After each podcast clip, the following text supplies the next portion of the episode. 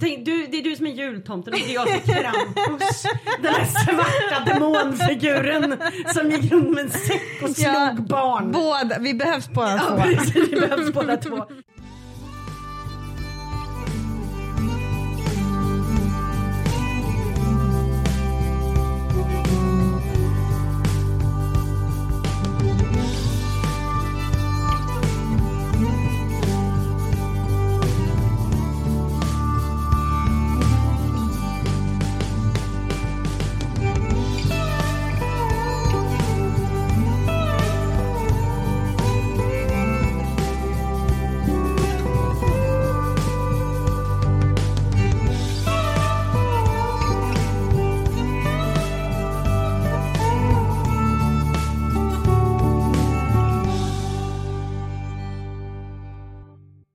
Då kör vi igång. Då får jag säga varmt välkommen till veckans hedershagga.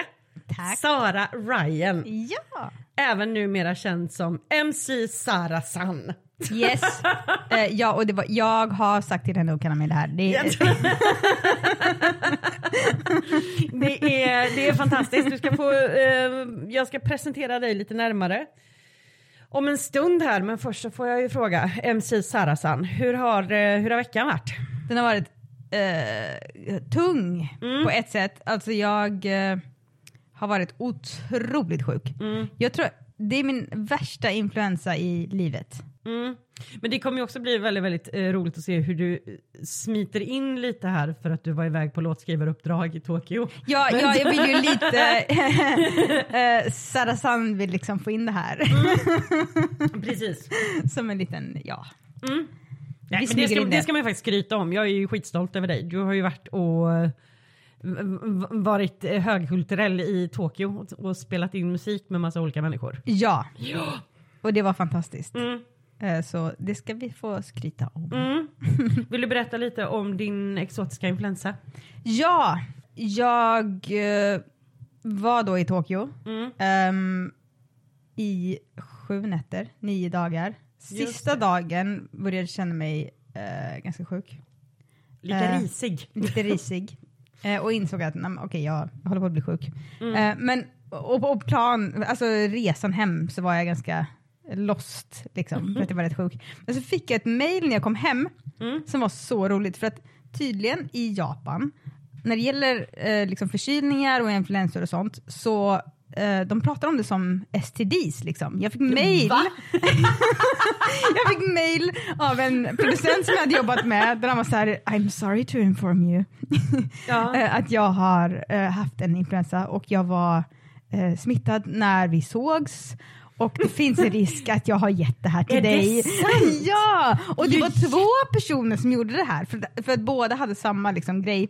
Oj. och båda liksom behövde informera mig om att de nog hade gett mig den här influensan. Men vad är då den japanska motsvarigheten till att eh, ringa till någon och, och, och, och vråla du har smittat mig med klamydia din jävla hora? Eh, Jag, jag, alltså jag, jag, har inte, jag vet ju inte det här. Jag har bara varit på mottagarsidan. Än så länge. Vi får se nästa gång. Det är, ja, men det är ändå spännande. Mm.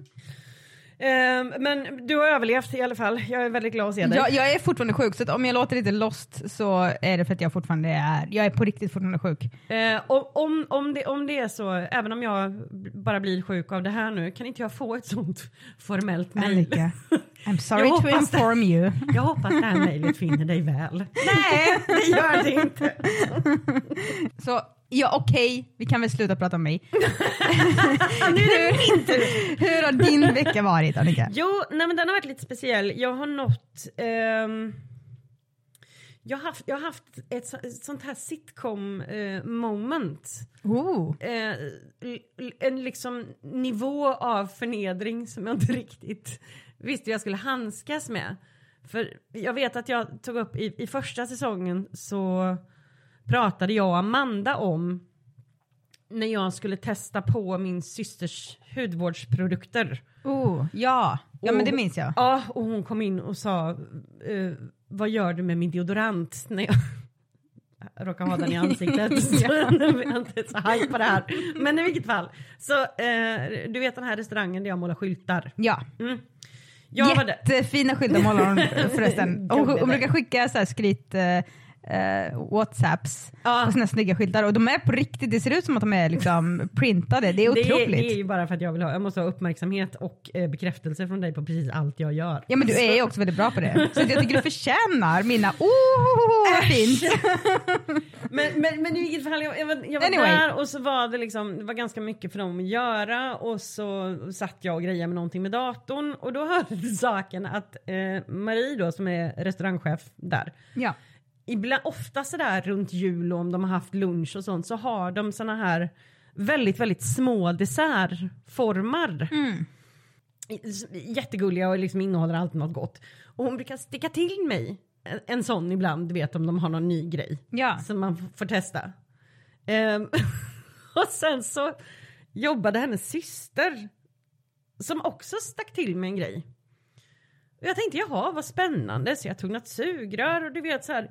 Sen så händer liksom allting eh, ungefär exakt. Det känns som att det går i slow motion för jag hinner tänka så mycket under tiden. Därför att jag tar ett sugrör och ska liksom, och, börjar du vet så här, sleva i mig det här. Det såg ut som någon form av mousse eller någonting. Jag vet inte.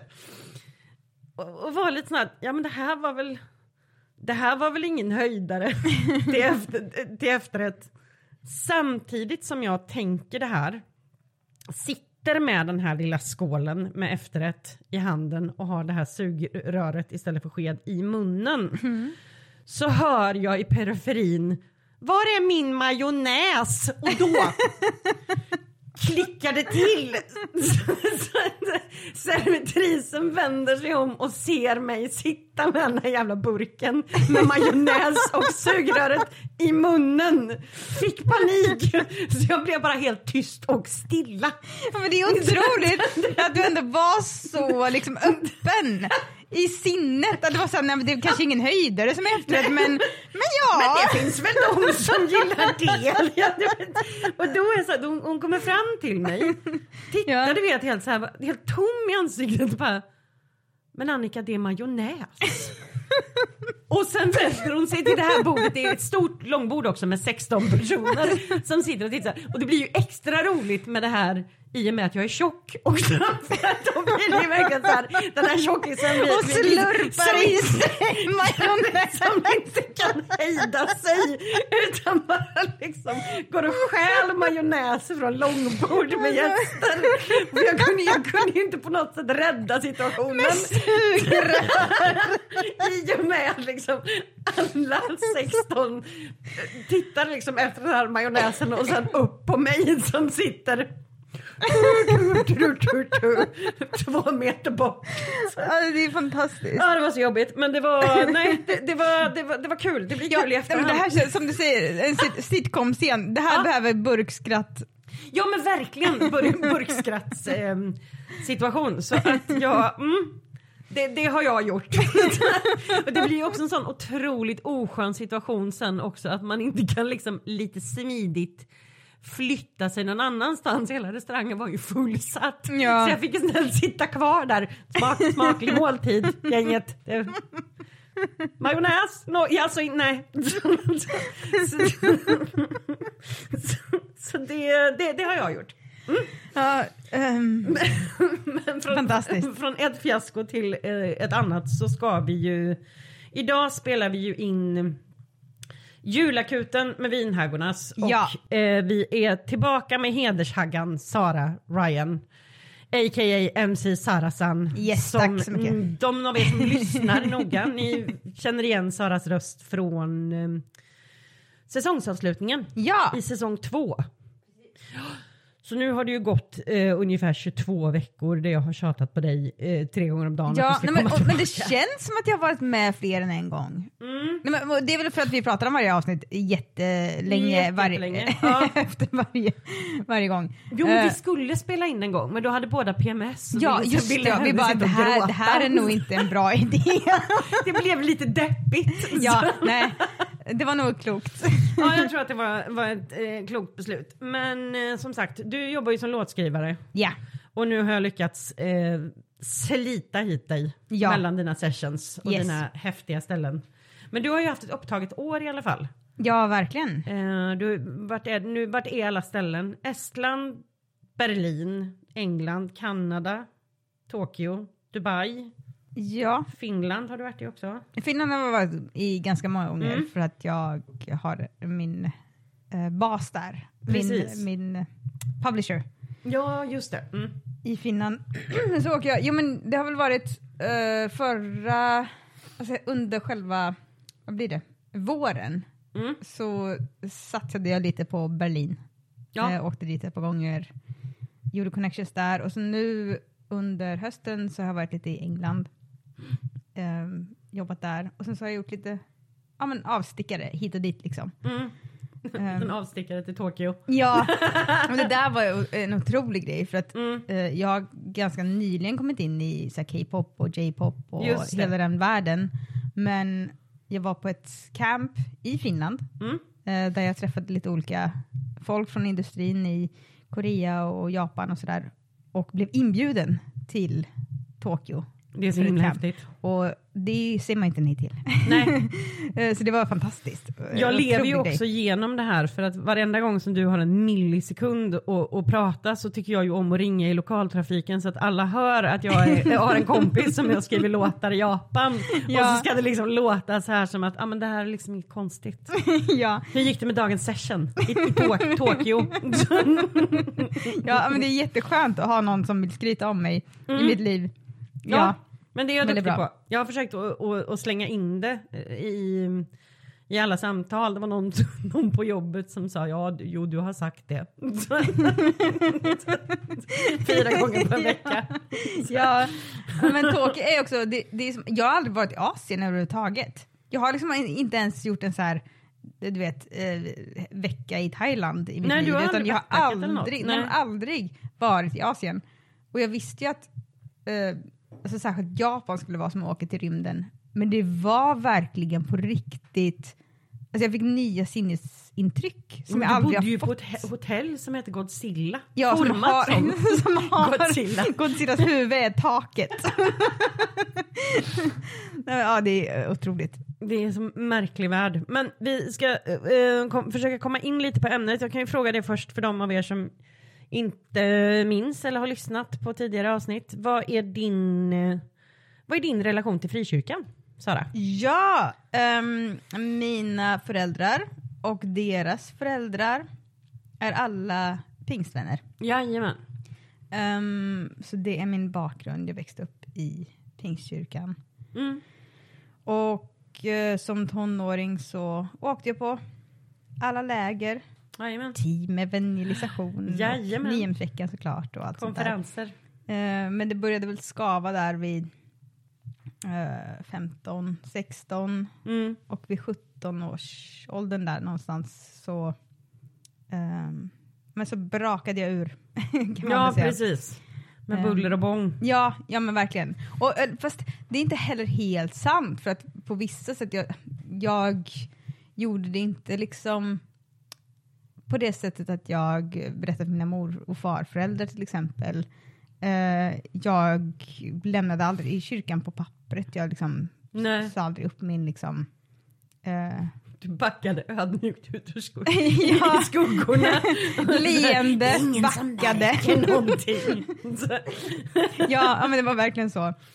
Och, eh, Men jag undrar om det är det mer dramatiskt i mig tror jag Ja. än utanför. För jag mig. tänker att eh, alltså, det mest effektiva sättet som frikyrkotjej att ta sig smidigt ut ur kyrkan det är att man liksom eh, s- slutar sjunga eh, soprandelen i lovsångerna, går ner till altstämman och sen så kommer ner på den här oktaven under samtidigt som man backar Ja, fast, långsamt. fast, fast det där med sopranstämman, alltså det var på riktigt en anledning till att jag lämnade. Mm, För, nej, men det går eh, inte. jag, för jag hatade lovsången. Ja. Och, eh, och jag, alltså jag stod inte ut med de här frikyrkliga ackorden och, Mm. eh, och de här soprangrejerna. Jag har aldrig gillat det där liksom. Eh, och eh, nej, för det var på riktigt en konkurrerande anledning. Ja nej, men verkligen, men alltså, du behöver ju vara kastratsångare för att ens ha eh, liksom, en, en chans Nej, men det är att kunna hänga med. Ja, men, och, och det är ju bra på, ett, på det sättet att jag, jag alltid fick lägga liksom, eh, en ters ner Mm. och tränade stämmer. Det har ju gjort Precis. mig bra på stämmer liksom. Ja, ja, ja, men det har gjort alla frikyrkokängor bra på stämmor. Ja. För det är ingen som kan liksom hänga med. ja. Det är de här gamla tanterna som kan ta det för att de har tappat allt liksom stöd i diafragman Ja. så att det kommer ingenting från Ja, den delen. min mormor hade det där. Med- och vibratot. Vibratot, ja. Ja. Alltså, det är otro, ja, men otroligt. Det, sal, det saliga. Mm. Ja. Men eh, jul då. Ja. Ehm, idag ska vi ju ha julakuten. Eh, så vi tänkte att vi ska gå igenom lite, lite klassiska karaktärer som man kan eh, stöta på kring, ju- kring jul. Perfekt. många av er som har skrivit in och ni är ju anonyma så att vi kommer ta upp lite, lite olika personlighetstyper som man kan träffa.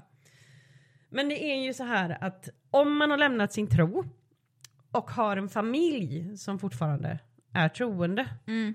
så kan ju det här skapa lite jobbiga känslor i kroppen. Ja, det kan man- verkligen Mm. tänka mig.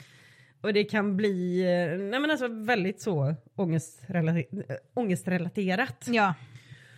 Och då kanske man eh, kan fråga sig, men eh, hörru du, vinhaggan Annika, du har ju ingen kristen familj. Varför ska du uttala dig i det här ämnet? Jo, ska ni få höra. Därför att de evangelikala män har kunnat uttala sig om mödomshinnans existens de senaste 17 000 åren så kan även jag blöta min långa näsa i någonting där jag inte hör hemma. Ja.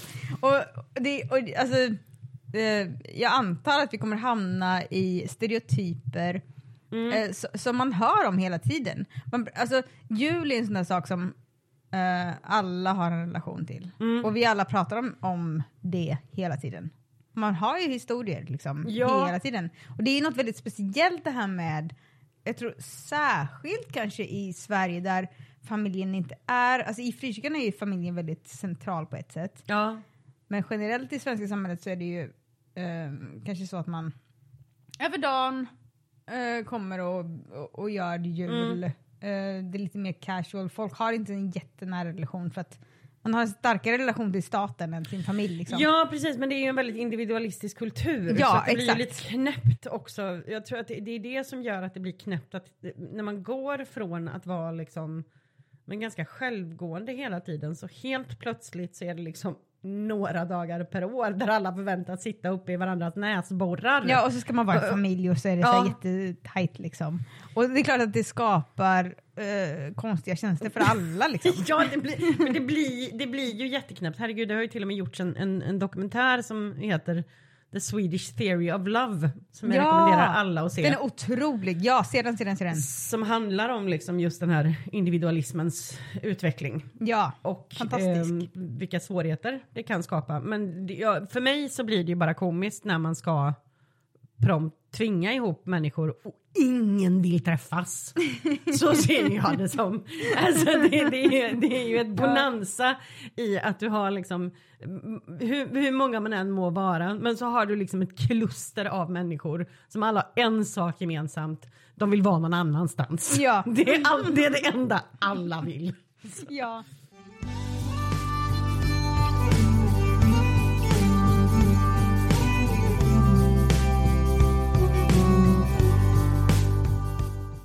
Nej, för om jag tittar på min, min e, mitt eget exempel av en, en matriark, min mor.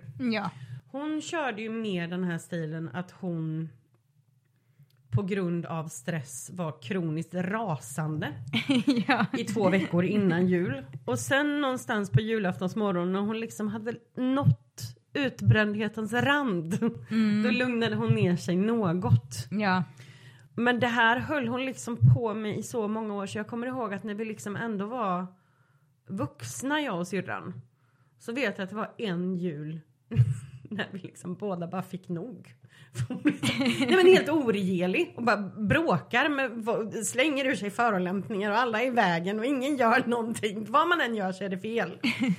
Så att det går liksom inte att leva i den miljön. Så då, då eh, kom vi på en plan jag och syrran att um, syrran gick och hällde upp ett vinglas.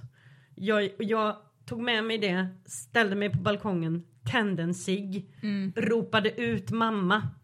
som kom liksom i ett så här moln av mjöl svärandes var så här, det är då inte klokt att man inte får vara i fred en sekund. Och sen så vände jag mig om, tryckte på henne vinglaset och ciggen och hon tittade på det och sa nej men är mig.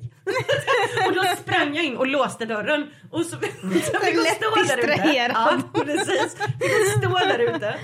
Och sen så kom hon in och var så här, ja, nej men vi får ju ändå en trevlig kväll här tycker jag. ändå." Mm. Så, Ja. Vi andra har varit liksom hotade till livet i fyra timmar.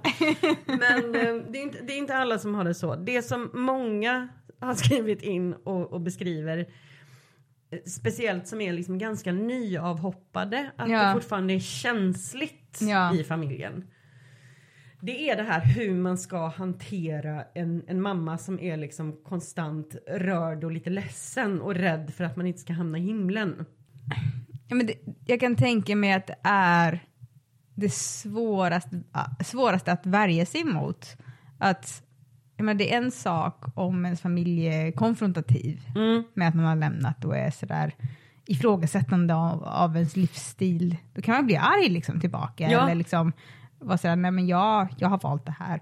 Precis. Men, men när, när människor man bryr sig om är sådär sköra Ja, och man vet att men det här, jag, den här personen är på riktigt rädd. ja, Eh, att jag eh, liksom är, kommer, bli, kommer brinna för evigt. Det är, ju- det är en fruktansvärd sak liksom. Ja, ja, ja. Nej, men det är ju en fruktansvärd situation. Men, och jag, jag funderar lite på det liksom att om man, om man inte kan gå någonstans liksom utan att ha de här tårögda stora ögonen som följer en oroligt eh, genom rummet. Då, Ja. då, alltså, i, min, I mina, i min värld, Ja. då hade jag nog faktiskt rekommenderat att jag tror att det är att det faktiskt kan vara lite läge att ta en time-out Ja. att på, något sätt att liksom åren får gå lite. För jag tänker att om man är, låt säga att man liksom hamnade på the highway to hell. ja men säg för ett och ett halvt år sedan. Och att det är så färskt och smärtsamt för föräldrarna. Ja. Då kan det faktiskt vara läge, alltså som, som vuxen att vara lite sån att nej men du vi, vi har lite andra planer för jul. Även om man har till exempel, jag tänker om man har en, en partner som har lite lättare familj att vara Ja. med eller att man åker utomlands eller att man gör något sånt. Ja. Så att man inte, för jag tror inte att någon mår bra av att vara i det där liksom. Nej. För det, det, på- till syvende och sist så blir det ju det liksom att det, det är ju det som, som vi pratar om, liksom, att jul blir ju så himla mycket skådespel och det är sådana förväntningar på en att man ska ha trevligt. Ja. Och är det någon som är liksom hela tiden ledsen och skadad över att man har lämnat och liksom inte riktigt kan skärpa sig i det. Eh, det går ju ofta väldigt lätt över i martyrskap och det orkar ju ingen med. Nej men verkligen inte. Och, och samtidigt är det det som är, alltså det går ju verkligen att förstå. Eh, min pappa sa någon så, en så klok sak en gång. Mm. Eh, att om, om man helt tror att alla som inte är frälsta kommer till helvetet, Mm. då kan man inte göra någonting annat än att bara lägga hela sitt liv Ja. på att omvända alla. Mm. Det, det, det, allt, det, det skulle vara allt som betyder någonting. Ja, ja, ja, ja. För det är helt fruktansvärt att tänka. Nej, precis. Att, alla, att, att, att folk kommer komma till helvetet. Ja. Liksom. Och, och jag menar, om man är i den, på den platsen Mm. och, och alltså att, att, att, att känna att jag har, mi, mitt barn Mm. eh, är förlorat för Mm. alltid. Det, det, är liksom, det är så fruktansvärt att det går liksom inte att... Eh, och att då förhålla sig det som, som en normal person. Ja, ja, ja. Det måste ju vara helt omöjligt. Nej men det går inte riktigt och därför så tror jag faktiskt att det är en, sund grej kan vara att man får nog tills liksom de här första starka känslovågorna har lagt sig lite. Ja. För att det blir ofta bättre liksom med tiden tänker jag. Ja, och, och framförallt, alltså jag tänker att alltså jag som lämnade tidigt Mm. och har pratat med mina föräldrar fram och tillbaka och hit och dit under alla år liksom. Mm. Jag menar, vi har ju lärt oss av varandra.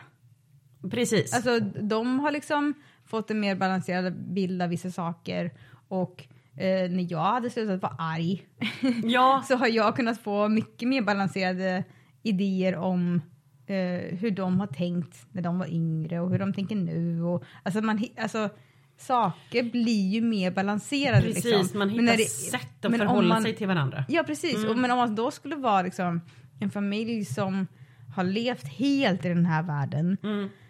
ehm, och plötsligt någon lämnar så kan det bli en sån kat- katastrof att det liksom inte... Alltså jag, jag, jag, jag, har Mm. svårt, jag har svårt att ens föreställa mig en sån julmiddag, liksom, hur den skulle Ja. se ut. Det, det är liksom för, det är för ont för Ja, alla men det, det blir ju den klassiska Lars Norén-julen. Jag är ju van vid Lars Norén-jular. Ja. Liksom, där det är så fucking nattsvart. Ja. Så att det liksom dryper kära Ja. från väggarna. Och alla ska försöka göra sitt bästa för att inte låtsas om det. Ja, men det är otroligt. Eh, för Jag har ju absolut inte haft något sånt Mm. Nej. mörker. Men jag tänker lite den grejen också att om, om man tittar från ett avhopparperspektiv så är det ju, det är ju en sån känslig period i Ja. början. För vi ska komma över lite till eh, nästa typ av liksom, personlighetsproblem. Mm. Eh, vi kanske ska sammanfatta första problemet. Om man har en överemotionell mamma som bara tittar på en som att man är på väg raka spåret till helvetet och gråter så fort hon ser dig. Jag tänker så här. Mm. Eh, ha förståelse Ja. för henne Mm. och hur stort det här är och ge det tid. Precis. För att det är inte, det är för hemskt för Ja. henne. Och alltså det är, inte, det är inte läge att proklamera sin, sin ilska. Nej. Liksom.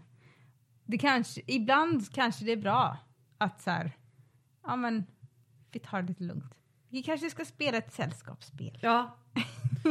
ja men av, avleda dramatiken Ja. på något sätt. Jag, är, jag tror ju väldigt, väldigt starkt på det här att begränsa den gemensamma tiden. För för mig så är det Ja. också lite, det för Ja, mig alltså, som åk lever inte ensam. dit i en hel vecka. Nej, alltså det är helt onaturligt. Jag umgås ju inte med någon tre dagar i rad. Liksom. Nej men exakt. Eh, det, det är liksom, det händer inte. Så jag, jag tänker begränsa tiden. Säg Ja. att du kanske, ja men låt säga att du, du bor i Norrland.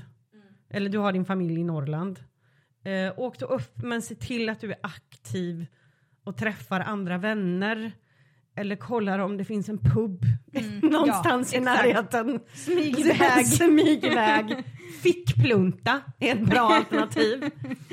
Ehm, det heter lommelärke på norska, är inte det det gulligaste namnet? Lomme... Lommelärke, Lommelärke. är inte det Det jättegulligt? är ett otroligt fint ord. Huruvida, eh, begränsa tiden. Har du möjlighet att liksom åka någon annanstans, Ja. vara någon annanstans, eh, gör det. Ja. Och ge din eh, rädda, sorgsna mamma en kram. Mm. Alltså, vad, alltså det, är liksom, det kan kännas svårt med sådana Mm. saker liksom. Men det är ju, alltså den här känslan som hon kanske har, att hennes barn är förlorat för alltid, det är fruktansvärt. Mm. Och hon behöver tid liksom. Hon Precis. behöver lite medkänsla.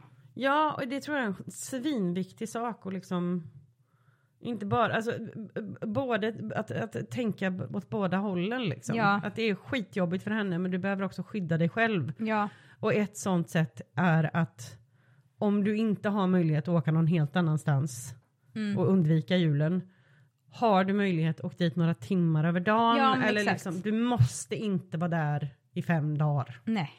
Det, det, det finns andra alternativ. Verkligen. Och du måste inte följa med till kyrkan. Nej. Kom på en ursäkt. Precis. And if all else fails, eh, maginfluensa. ja. Löser alla problem. Men jag tänker lite, så det, är- det är väl första tipset där. Men med det så tänker jag att vi knyter an till en, en, en annan karaktär som eh, flera stycken också verkar ha upplevt i sina liv. Mhm. Och det är de som på något sätt ska försöka tänka lite smart. Mhm. Ungefär som du vet killar med frisyr som ska tänka smart på internet och det Jo. går sådär. Ja.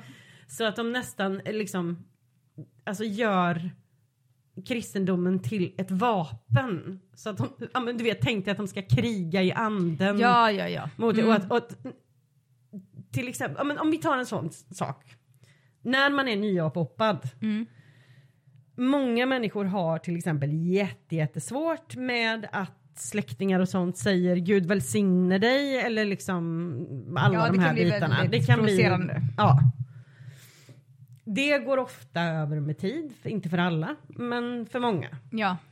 Men man märker ju också väldigt, väldigt tydligt när folk gör det med flit. Ja, ja. Alltså att det är någon slags så här passiv aggression Ja. i det där Gud välsigne dig. Man Ja. bara Gud välsigne dig också Gunilla. ja. Näsben, sugen på att behålla det. Jo men det här är så, alltså det är så också svenskt på något sätt. Otroligt Alltså, jag pratade med en fransman Mm. eh, eh, under veckan. Eh, som, som pratade om att han skulle fira jul med sin franska familj Mm. och att han behöver stålsätta sig för att där det blir eh, politik. Mm. Liksom. Och när hans familj träffas och, och eh, folk eh, taggar upp sig Mm. för att prata om sin politiska ställning så blir det krig. Och skriker! Det- de, de, ja, de eh, skriker åt varandra och det blir mycket händer och det är väldigt, ja, väldigt, väldigt intensivt liksom. Superhetsigt. Eh, ja, Svenskt det låter. ja, men det är det som är grejen. Alltså, I Sverige så är det ju aldrig så. Nej. Utan folk har sina otro... De har samma känslor. Mm. De vill bråka lika mycket. De har lika mycket som de vill liksom övertyga den andra om. Oavsett tror jag om det... Det kan ju vara den här grejen att så här... ehm, ja men... eh, jag ska se till att den här personen förstår att Mm. den inte borde ha lämnat kyrkan och jag ska eh, ki- kill her with love. Ja, precis, och välsigna henne liksom. Eh, eller om det är en, en eh, profan familj och Mm. det handlar om politik eller det handlar om livsval eller vad, vad det än kan vara. Liksom. eh, så, så är det liksom samma aggression men den blommar aldrig ut. Nej. Utan det är bara liksom, passiv aggressivitet som bara liksom pyr.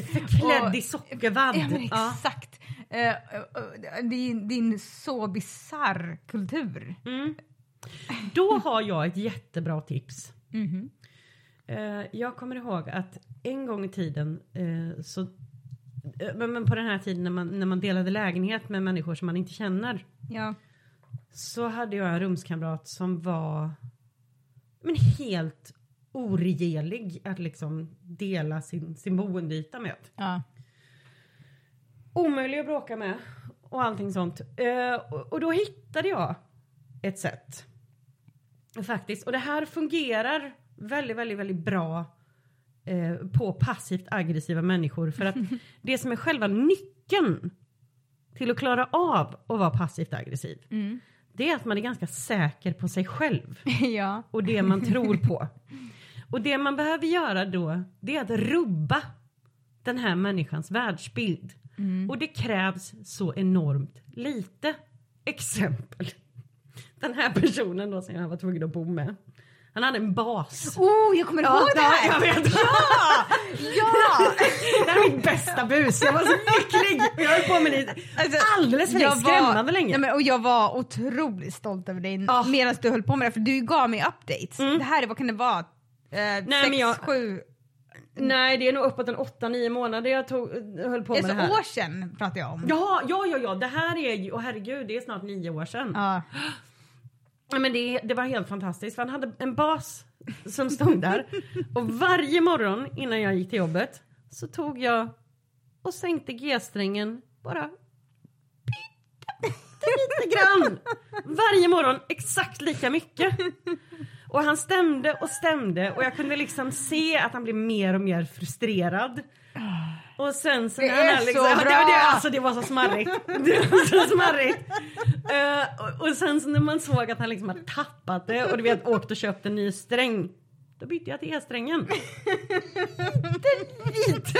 Varje morgon. Och jag höll på med det här i alltså åtta, nio månader. men Alltså, jag, jag ju det här Ja. med liksom en chipspåse. Det, det, det, jag har aldrig mått så bra tror jag. Det var min lyckligaste. Just för den här grejen att liksom se hur en människas bara hela det här liksom störiga börjar vackla. Ja. Någon börjar krackelera därför Jo, att hela var, alltså på världsbilden... riktigt ja. var någon gång när vi pratade i telefon och, och, och, jag, och du sa så här, okej, han, kom- han kommer hem nu. Mm.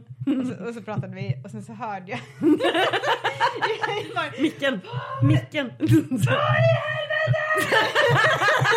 han hade liksom tagit upp basen bara nej, han stämde den liksom i morse. ja.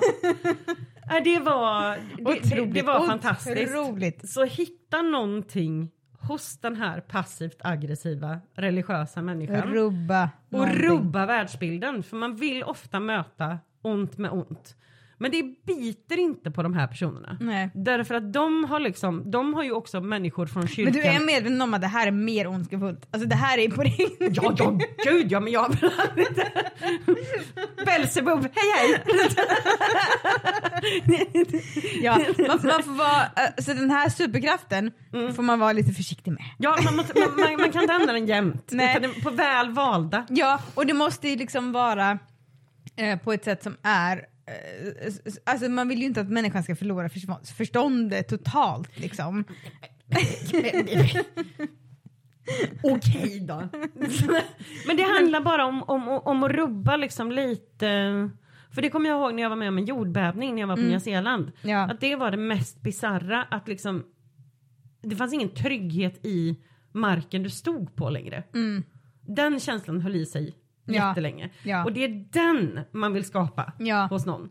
För att har man någon som är passivt aggressiv och som ska liksom lägga in Gud välsigne dig eller till exempel om man sitter och ber och den börjar liksom be för dig trots att det gör dig illa till mods Ja. inför alla.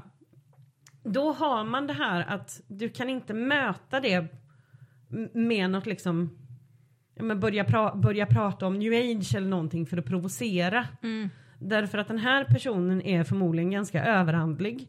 Har jättemånga människor från kyrkan i ryggen Ja. bönegrupper Mm. och liksom människor som förmodligen har hållit på att kriga i anden Ja. för att du ska komma hem på jul. Ja men exakt. Mm. Och, och nej, men jag tror att det absolut sämsta är att eh, liksom på riktigt försöka provocera. Mm. För det kan ju inte, alltså det är en sak om man hade haft den här franska kulturen. Ja, precis. och kunnat säga så här, nej men jag tycker så här, jag, när du gör så här så känner jag så här. Alltså att det är liksom öppet och rakt. Mm. Ja. Vi, vi, gör, vi jobbar inte så. Precis, och har man den Eh. ledsna mamman i samma familj då Ja. sårar man ju henne för att hon Ja. vill ju inte ha bråk. Nej, exakt. Mm. Hon är ju redan helt knäckt som det är. Så det enda du behöver göra det är att observera personen. Ja. Observera. Vad, vad, vad använder den sig mycket av? Är det någonting den går och hämtar? Alltså du vet, små små grejer. Har den glasögon, lägger den ifrån sig dem ibland. bara successivt flytta dem. Det är Ja. bara de små grejerna som gör att en människa börjar tvivla på marken den står på. Det är det enda som hjälper mot den Ja, typen. och det, ja, det kan ju faktiskt eh, göra, göra julen lite mer spännande. Mm. Men Ja, du Eh. kommer ju ha oändligt mycket roligare. det är ju helt, det är som exakt, och, det, och det, det är ju ett, såklart en viktig del av det. Mm. Att, att man måste underhålla sig själv om det är jobbigt. Liksom. Det går ju inte riktigt. Men, men där har ni, återigen, Sara säger Tänk på hur det är för den andra personen. Ja. Jag säger iaktta beteendemönster och handla därefter. Ja, ja, ja, Så, så ska vi gå vidare när till... det väl behövs. Lyssna det på Annika. Hon, hon kan det här. Tänk, du, det är du som är jultomten och det är jag som är Krampus.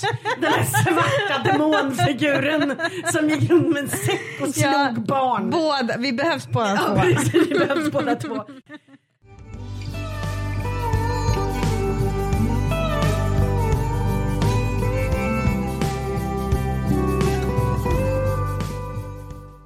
Problemperson nummer tre man kan stöta på Yes. som avhoppare i en superkristen familj. Det är den evangelikala brorsan som alltid har på sig kostym för han har väldigt ofta haft Ulf Ekman Wow. som, som liksom idol. Han har alltid en, eh, en fru som är väldigt mild och blid, eh, jämt gravid och har långt hår. Ja. Och eh, han, han, han har liksom efterapat det här liksom eh, framgångsteologins röstläge när de predikar. Ja. Så att han har börjat prata så även vid köksbordet. Eh, vi har fått in ett eh, otroligt roligt lyssnarbrev angående den, angående den liksom evangelikala brorsan. Och det här är ju en man efter mitt eget hjärta. För att han skriver ett mejl och berättar att nu gäller ju inte det här en släkting utan det här är ju mig själv. Och den är helt fantastisk. Den här måste jag läsa upp faktiskt. ja, jag vill verkligen höra. Fruktansvärt Spännande. rolig. Skriver så här. Det kan vara lätt att peka på andra, så jag pekar på mig själv om hur röten jag själv råkade vara i juletid. När jag gick Livets, ord, Livets Ords bibelcenter på 90-talets mitt, då fick vi ett peptalk inför julen. För att balansera upp oss då en del snurrade till det rätt rejält. Alla hade ju en ärlig längtan att vara fromma och andliga Jesusmänniskor. Lätt att saker spårar då. De sa till oss och hem till er släkt och fira jul. Ni kan ha julgran, ni får äta julskinka och se till att njuta av le- ledigheten. Men se upp med djävulens frestelser. Mycket lätt att bli överfanatisk i en slags strävan över att visa hur andlig man är. Jag själv vart för lite extra fanatisk. Ett exempel är när jag satt själv i köket i barndomshemmet på mitt jullov. Det är också det som är så otroligt roligt. Ja. det, det är liksom på jullov och man ser en sån här 19-årig p- person i kostym och portfölj. Ja. För att han vill se ut som Ulf Ekman. det är så ont. Ja, det är så underbart. Jag fortsätter läsa. Jag själv varit extra fanatisk. Ett exempel är när jag satt själv i köket i barndomshemmet på mitt jullov. Jag såg tomtebilden på julmustflaskan. Nej! Inga tomtar! Sen ropade jag högt. Nej! I Jesu namn! Jesus är Herre! Sen tog, sen tog jag en kniv och började förstöra tomtebilden på etiketten. Det är Jesus som är Herre på julen, inte tomten, skrek jag. Alltså, det är det roligaste jag läst på evigheter. Det är Det otroligt. är otroligt roligt. Och då är det roliga att vi får också lösningen på, liksom, det här vet vi också, det, här, här, det finns gränser även i kristna familjer. För sen skriver han, precis då klev min, min mamma in i köket. Nej, nu har du gått för långt. Alltså först och främst, Tack snälla. alltså Det är du, den bästa du historien. som skickade det här, det är det finaste, alltså vilken gåva. liksom bara se den här 19-åriga Alltså, det människan är i kostym som börjar karva i en julmustflaska. det säger ju så Ja. otroligt mycket. Nej men det är otroligt. Det säger otroligt mycket om unga människors liksom, förmåga att liksom fuck up. Mm. alltså, och verkligen hamna fel. Och det säger så mycket om frikyrkan på b- b- under den tiden Under vi den tiden. Nej men om, alltså jag, liksom. känner, jag, jag kan på något sätt känna igen så mycket av mi, mitt eget fundamentalistiska tänk Ja, i det här. Nu gick inte jag kanske loss med kniv på julmustflaskan för det hade jag blivit inlagd, av- tvångsinlagd av morsan på jul. Ja. Men, men älskar när människor bjuder på sig själva och berättar sånt här. Det är Ja, absolut otroligt. ohotat det bästa jag vet.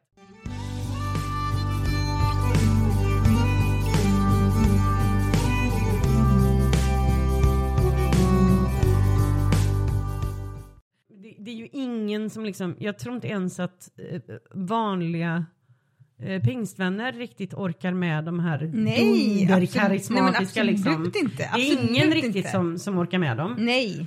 Eh, att jobbiga ackordföljder fick mig att lämna eh, kyrkan. Mm. Eh, det är inte riktigt sant. Det, det, det var en, ett irritationsmoment. men, men det var ju absolut hela den här framgångsteologins Framgångsteologin. och- hyper- och, och, ja. och he, hela den fanatismen Mm. som verkligen... eh, Satte spiken i kistan. ja, men, ja, men verkligen. Innan den här liksom kostym, framgångsteologen eskalerar för mycket. Så bara liksom släng, släng ut lite, lite såna här lite, hinta lite om, om saker som du vet är känsliga ämnen och som han kommer gå igång på. För att när som helst så kommer din annars så, så liksom fromma pingstmorsa slå näven i bordet och säga nej, nu räcker det! ja, exakt! Det är det man ska göra. Ja. Pusha dem till gränsen och sen Ja. låter du mamma ta hand om det. Ja, Inga exakt. konstigheter.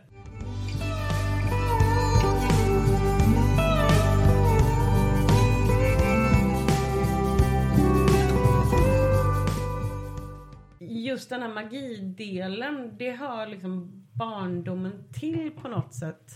Det måste inte vara lika uppstyrt, lika samma varje år. Jag till exempel som hatar julmat, grinchen, kul tjej på fest. Nej men jag Så- hatar också julmat. Du, jag, jag förstår inte. Alltså svensk högtidsmat är det konstigaste Nej men det jag är vet. så... Det är ju bara sam, det är samma. I liksom olika, ja, det är väl någon tomte som någon karismatisk eh, liksom framgångsteolog ska Nej, hugga sönder. allt är men- bara uh, jättemycket grädde. Liksom. Det är det som är hela poängen. Allting har sett... Fisk med grädde, potatis med grädde. Ja. Eh, Allting är jätte, jätte, jätte, jättemycket grädde. Och, och det, det, ansjovis och alltså det finns liksom ingenting... Ansjovis är rutten fisk. Rutt, Rutten fisk med alla, grädde. alla måste sluta. Vi, Ja. vi har liksom en mattradition som är rutten fisk med grädde. Vi måste komma på något. Och sen sitter folk hemma och liksom klagar på att kineser äter friterade skorpioner. Nej, nej, men- Vet du, jag skulle nej. äta friterad skorpion framför ansjovis alla Ja. dagar i veckan. Om vi ska återknyta till att jag Mm, eh, vad fan, var det Tokyo? eh, jag har ju varit i Japan.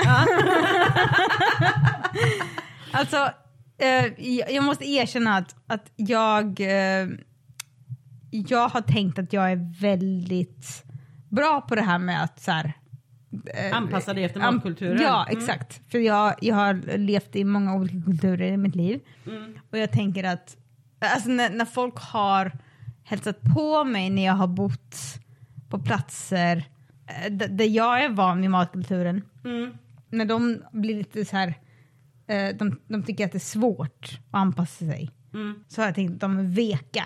Ja, ja, ja. Eh, för, för att jag är van vid det här. Det är Alltså, samma som att klarar- du hatar för jag allergiker olika- fast du är allergiker Ja men själv. exakt, exakt, exakt. Eh, och så kom jag till Japan. Mm. Eh, och, och jag gick på några så här otroligt fina restauranger Mm. som var, alltså jag, det, det var otroligt. Det var en, på riktigt en otrolig upplevelse. Bästa Ja. maten jag någonsin ätit. Men vardagsmaten, alltså det var jätte, jättesvårt att Ja, hantera. för allting smakar alger. Ja, men allt! Ja! Alltså frukost, eh, all frukostmat eh, smakar fisk och skaldjur och alger. Mm. All lunchmat eh, smakar fisk och skaldjur och alger. och snacksen, alltså det var Ja. någon kväll som jag var såhär, okej, ehm, jag vill ha bara helt vanliga chips. Ja. Alltså jag, köp, jag, jag köper en påse chips bara för att så här, äta något vanligt liksom. Mm. ja, precis. Eh, och så var det alger Ja, i chipsen. Mm. Alltså, och jag sa, nej men jag, jag är nog, eh, jag har nog, det var en humbling experience liksom. Ja. Att jag, jag är inte så himla världsvan som jag tror. Nej, och det, det är, jag, jag tänker att matmässigt så är väl det lite, lite samma sak som att bli påkommen med en, ett, ett sugrör eh, och någon annans majonnäs. Ja, exakt. Det är ödmjukande. Exakt, det är ödmjukande. Precis. Eh, ja.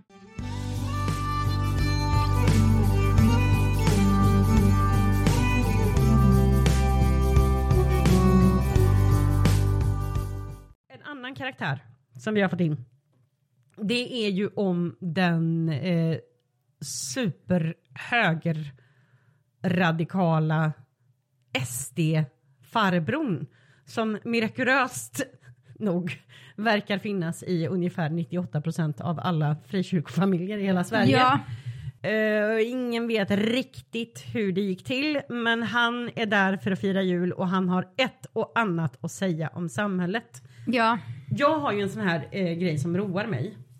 Att ibland när jag går in under artiklar som handlar om helt annat, andra grejer, det kan handla om liksom en handelsträdgård eller om, om hur badvänligt vattnet på Gadesanna i Vargön är Ja. så brukar jag räkna hur många eh, liksom, kommentarer det tar innan någon kommer in och påpekar att det är invandrarnas fel. Ja, nej men det är Det är helt o- otroligt eh, alltså, att det har eh, gått så långt. Ja. Mina erfarenheter säger mig att det finns liksom ingenting som biter på den här liksom kristna SD-farbrorn. Han vill liksom bara prata om hur allting är invandrarnas eh, tjocka feministers eller bögarnas fel. Det är hans, en, det är hans enda...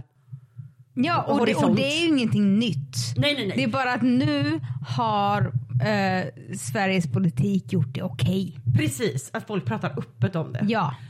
Och då tänker jag att absolut, om man är av den liksom tappra typen att man känner för att slösa två timmar av sitt liv med att försöka förklara för valfri Jan-Ove att det kanske inte riktigt ligger till så.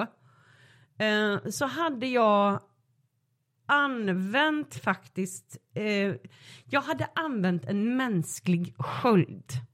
Det är mitt bästa tips. På vilket sätt? Eh, nä- nästan alla har en överkarismatisk bror. Nästan alla har en, en liksom högerradikal rasist till farbror. Sätt dem ihop med varandra. Så kan de liksom diskutera Jag, sina jag, grejer tänk, jag, tillsammans. tänk- jag tänker mer eh, det här du var inne på innan. ja. Eh, jag var lite skeptisk till att eh, rubba marken under människor. När det gäller de här personerna, Mm.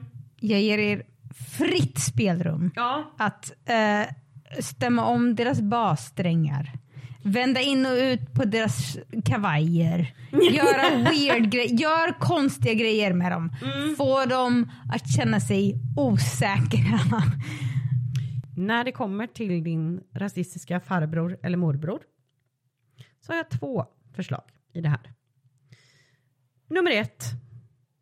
Placera din otroligt irriterande evangelikala karismatiska bror i kostym bredvid honom. Använd den här kostymnissen som en mänsklig sköld. Så du kan tränga in din rasistiska morbror i ett hörn så behöver ingen annan lyssna. Alternativ nummer två. det är att under alla såna här bordsböner så kan du vara sån här att nej men jag känner faktiskt jag fick lite feeling. Jag skulle faktiskt vilja leda det här. Och så tar du bara upp ungefär alla 743 ställen i bibeln där det faktiskt står om att du ska behandla invandraren som din egen. Som din egen. Eh, Det vore en nice moment. Ja, det hade, det hade varit ett nice moment. Verkligen. För man får tänka på om vi leker att alla de här karaktärerna som vi har pratat om idag är en och samma familj. Mm. Så kommer ju ändå den ledsna mamman eh, känna en otrolig lättnad. Ja. Att, att du liksom har bevarat någon form av varm människosyn och moral. För hon vill ju inte höra det här heller. Och sen så kan vi säga så här. Det är det här som är min poäng. Att alla måste sluta. Det är inte naturligt att hålla på så här som vuxna människor när det inte finns liksom små barn i bilden längre. Man kan träffas, vet ni vad? Man kan till och med träffas på restaurang. det finns de som har öppet. Ja. Min enda poäng är att precis nästan alla tycker att det är jätte, jättejobbigt på olika sätt. Det finns vissa grejer som man kan göra för att förbättra sin situation. Mm. Mitt ypperliga förslag om man hade haft pengar, eh, ork och någon slags drivkraft i livet.